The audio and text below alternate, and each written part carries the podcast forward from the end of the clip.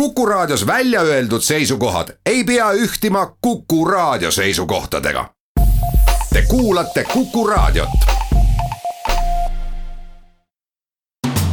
hääletades Euroopasse. Saadet toetab Euroopa Parlamendi Eesti büroo tere, eetris on saade Hääletades Euroopasse, stuudios on Annika Õunap ja minuga koos doktor Maarja Lüviste, tere tulemast. tere Te olete õppejõud Suurbritannias ja, ja teie uurimisvaldkond on poliitika ja sooline võrdõiguslikkus või saaks seda äkki paremini kuidagi sõnastada, et mis see teie uurimisvaldkond on? no minu peamine uurimisvaldkond on see, kuidas mehed ja naised äh, poliitikasse satuvad ja mis on nende erinevused selles osas, et äh, millised on barjäärid seal, kuidas erakonnad äh, sisemiselt mõjutavad seda, et mehed ja naised saavad poliitikasse, aga ka teiselt poolt siis rohkem nagu poliitkommunikatsioon, mismoodi kandidaadid ise öö, oma kampaaniaid teevad, aga ka seda poolt siis, kuidas meedia neid kohtleb. see on väga põnev ja täiesti õige inimene tänasesse saatesse, sellepärast et äh, meie saate teema ongi naised valimiste aastal äh, kaks tuhat üheksateist ja see aasta on äh, tõepoolest täis igasuguseid erinevaid selliseid suuremaid poliitilisi sündmusi mm. naiste osalemise üle üleüldiselt on ju avalikkuse elus arutatud väga pikki aastaid ja aastatuhandeid, et ähm, ja arvamused on ähm, jätkuvalt kahes leeris, on neid, kes siis näevad naiste ja meeste poliitilisi võimeid võrdsetena või siis enam-vähem võrdsetena. Ja kuid eksisteerib ikkagi veel selliseid arvamusi, et naiste koht on ähm, kodus, naised peaksid justkui tegelema majapidamistöödega, laste kasvatamisega. Ja nende kõrvalt ei jäägi ju sellist piisavalt vaba aega, et poliitikaga tegeleda, et miks nad siis peaksid sinna poliitikasse pürgima. kui palju aastal kaks tuhat üheksateist sellist arvamust eksisteerib? no sellele on ühest küljest äh, keeruline vastata, sest äh, Eesti, vaadates nüüd viimaseid andmeid, natuke uurisin, äh, Eurobaromeeter tegi kahe tuhande seitsmendal aastal üle Euroopa siis uuringu, kus küsiti kõigis kahekümne kaheksas Euroopa Liidu liikmesriigis inimestelt eri küsimusi selle kohta, mis nad arvavad soolisest võrdõiguslikkusest. ja ühest küljest eestlased äh, ei erine teistelt, teistest eurooplastest selles osas, et arvavad, et näiteks naised poliitikasse üldse ei sobi, aga milles nagu eestlased eristuvad, on see, kuivõrd peetakse oluliseks, et just kodu ja perekond on see, mis on naise kõige olulisem roll ühiskonnas. ma arvan, siin võib veidi olla ka seda nõukogude aja nagu pärandit, kus äh, ühest küljest küll naisi eeldatakse, et nad osalevad tööturul, teevad kõike avalikus elus, aga samal ajal ikkagi kodu peab olema kõige olulisem. et kui seda ei ole, siis ei ole nagu päris õige naine. no ma ei tea nüüd, kas siin mm. Eestis on ka hakanud vaikselt see Nõukogude mentaliteet uuesti tagasi mm. tulema, et teatav retoorika on ilmunud äh, nii-öelda uutelt ministrikandidaatidelt ka, et äh, no kuidagi nagu raske südamega räägin siin sellest, et minule see lause mm. nagu absoluutselt ei meeldinud või mitte lause, vaid selline pilt, mis siis levis, on siis äh, uus äh, maaeluministri kandidaat EKRE ridadest, et Mart Järvik levitas ju sellist fotot, et äh, emmede aeg on läbi ja issid on kodus, et emmede aeg siis, kellel aeg läbi on, on justkui nagu Kersti Kaljulaid, meie president Kaja Kallas, Kristina Kallas, issid, kes siis nüüd koju saabusid, on ju, on Jüri Ratas, Helir-Valdor Seeder ja, ja Mart Helme mm, -hmm. et ähm, mis te sellest üldse arvate? ega ma ka väga hästi sellest ei arva, et äh, ise naisena ja on väga raske aru saada, et milleks on mingi osa ühiskonnast, sel juhul siis teatavad mehed, mitte kõik mehed loomulikult, kes arvavad, et äh, neile kuidagi kuulub see avalik ruum rohkem kui kellelegi teisele ja ma arvan, see on hästi nagu demokraatlikust vaatevinklist ikkagi problemaatiline väljaütlemine, sest äh, põhimõtteliselt äh, välistatakse ühe grupi osalemist poliitikas. ja see ei käi absoluutselt demokraatlike printsiipidega kokku no kurb on see, et äh, seda räägivad tõepoolest poliitikud mm. sellise, sellise tooniga ja, ja võib-olla ka tulevane siis minister mm, -hmm. aga õnneks on see siiski praegu ühe inimese arvamus mm. -hmm. et aga kuna te igapäevaselt äh, toimetate, tegutsete Inglismaal ja seal toimub ka väga palju selliseid ähm, suuri muutusi seoses Brexitiga mm. -hmm. et ähm, võib-olla siis tõepoolest esmalt, et milline see elu seal seestpoolt hetkel on?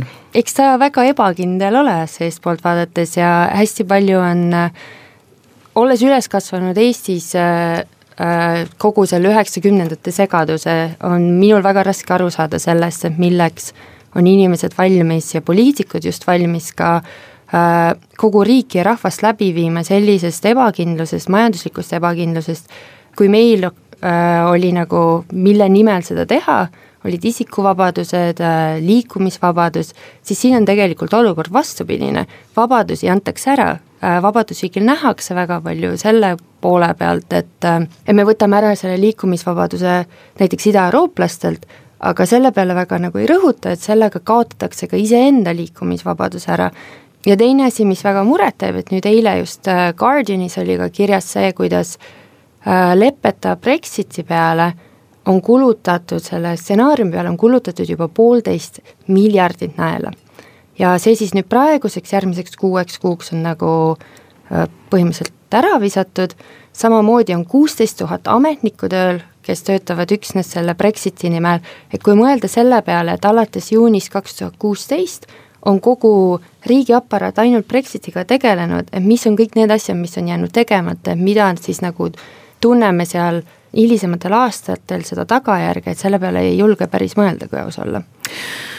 no ma oma küsimusega jah, tahtsin ka sinna tüürida, et ähm, kui me räägime siin naistest äh, poliitikas, et tegelikult seda kogu protsessi juhib ka ju naisterahvas mm, -hmm. Theresa May, et ähm, paljudele justkui tundubki selline olukord, et on tekkinud just seetõttu, et naine on nüüd autoroolis ja auto on justkui nagu kraavis, eks ole, et mm -hmm. no ku, kuidas nüüd seda nagu hinnata siis Theresa May tööd?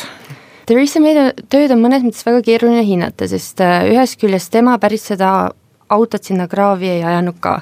et äh, tuleb ikkagi meeles pidada, kes on need poliitikud kes kogu selle protsessi algatasid. no ja David siin, Cameron. ja David Cameron täpselt ja George Osborne, võime siin süüdistada ka Boris Johnsonit ja Nigel Farage'i äh,, hunnik mehi ühesõnaga. siin on, põhiprobleem on ikkagi see, et nii Theresa May kui tema eelkäija konservatiivsest erakonnast on oluliselt rohkem huvitatud oma erakonna ühtsusest ja selle erakonna kooshoidmisest, kui sellest siis, et vähemalt tundub nii, et kui sellest, mis puudutab siis riiki ja rahvast üldisemalt. no ma usun ka, et meie on teinud tegelikult äh, üsna sellist oma elutööd mm -hmm. ja, ja oma positsioonida ka muidugi kaotada ei mm -hmm. taha, et äh, aga kas äh, näiteks naine peaministri rollis ja juhtimas sellist ajaloolist sündmust nagu Brexit on tekitanud mingi omaette küsimuse? Briti meedias nüüd mõnda aega tagasi, see oli vahetult enne kahe tuhande seitsmeteistkümnenda aasta valimisi, kui meid süüdistati hästi palju igasuguste U-pöörete tegemises, kus ta lihtsalt ütles, et teeb ühte ja siis, et kohe kindlasti teist ei tee, järgmine päev siis ütles, et teeb hoopis seda teist, on ju.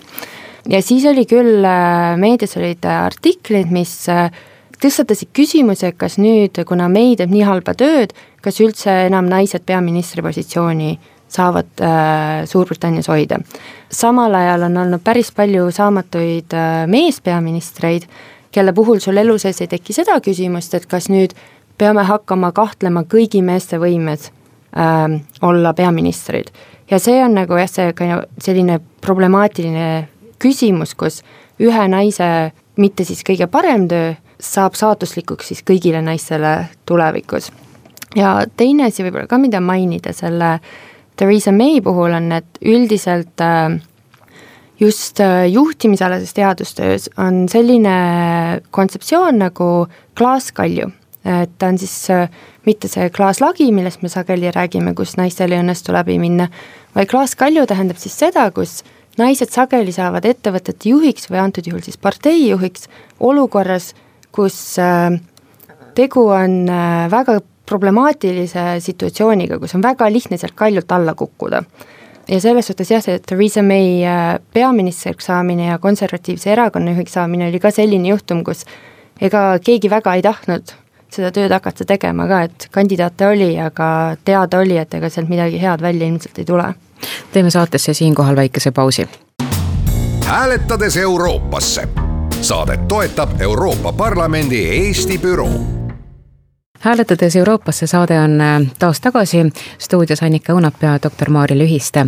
me räägime täna naistest äh, valimisaastal kaks tuhat üheksateist ja lõpetasime just ähm, enne pausile minekut arutelu, kuidas siis on äh, Theresa May justkui oma tööga peaministri rollis ja Brexiti juhtimisega hakkama saanud ja kas see on tekitanud mingisuguse sellise omaette küsimuse üldse, et äh, naine säärast suurt protsessi juhib. aga kui me nüüd kodumaale tagasi tuleme ja, ja siin Riigikogu valimised olid äsja, Kaja Kallas selle võitis ja oskas ka üks telereporter siin Eestis küsida sellise omamoodi küsimuse, et eh, ja seda küsiti siis meie presidendi käest, et eh, mis justkui siis kaasa peaks Eestile tooma see olukord, kui riiki hakkavad juhtima kaks naist presidendile loomulikult eh, see küsimus ei meeldinud mm, -hmm. et aga mida, mida oleks olnud selline, sellisele reporterile õige öelda, et mida teie oleksite sellele reporterile võib-olla vastanud? ma arvan, et äh, mitte väga erinevalt äh, president äh, Kaljulaidist, kusjuures sest selline küsimus jällegi tekitab selle, et see on kuidagi ebanormaalne, et meil on naised riigijuhtimise juures. Muidu sellist küsimust ei küsitaks. ja ma arvan, seda olekski öelnud, et, et selline küsimus on kohatu kahekümne esimeses sajandis Äh, meil on naised, äh, käivad kõrgkoolis, juhivad ettevõtteid, teevad igasuguseid asju, sõidavad autodega, et miks nad ei võiks siis riiki juhtida? aga Riigikogu valimised ähm, olid tõepoolest just äsja ära ja saja ühest Riigikokku pääsenud äh, isikust on kakskümmend kaheksa on naised. et äh, ja seda nüüd siis äh, lugesin, et on lausa rekordarv. no see justkui ikkagi on hästi ühelt poolt, aga need, kes nüüd vaatavad ja ajavad järge võrdõiguslikkusel, et nemad kindlasti väga palju rahul ei ole, sest nemad kindlasti ootaksid, et see võiks olla vähemalt viiskümmend, mhm. viiskümmend, et aga kus me sellise näitajaga siis nagu maailmas oleme? Äh, no maailmas me väga eesotsas selle näitajaga ei ole. edetabelis oleme kuskil siis seal kuuekümnendama koha piiri peal.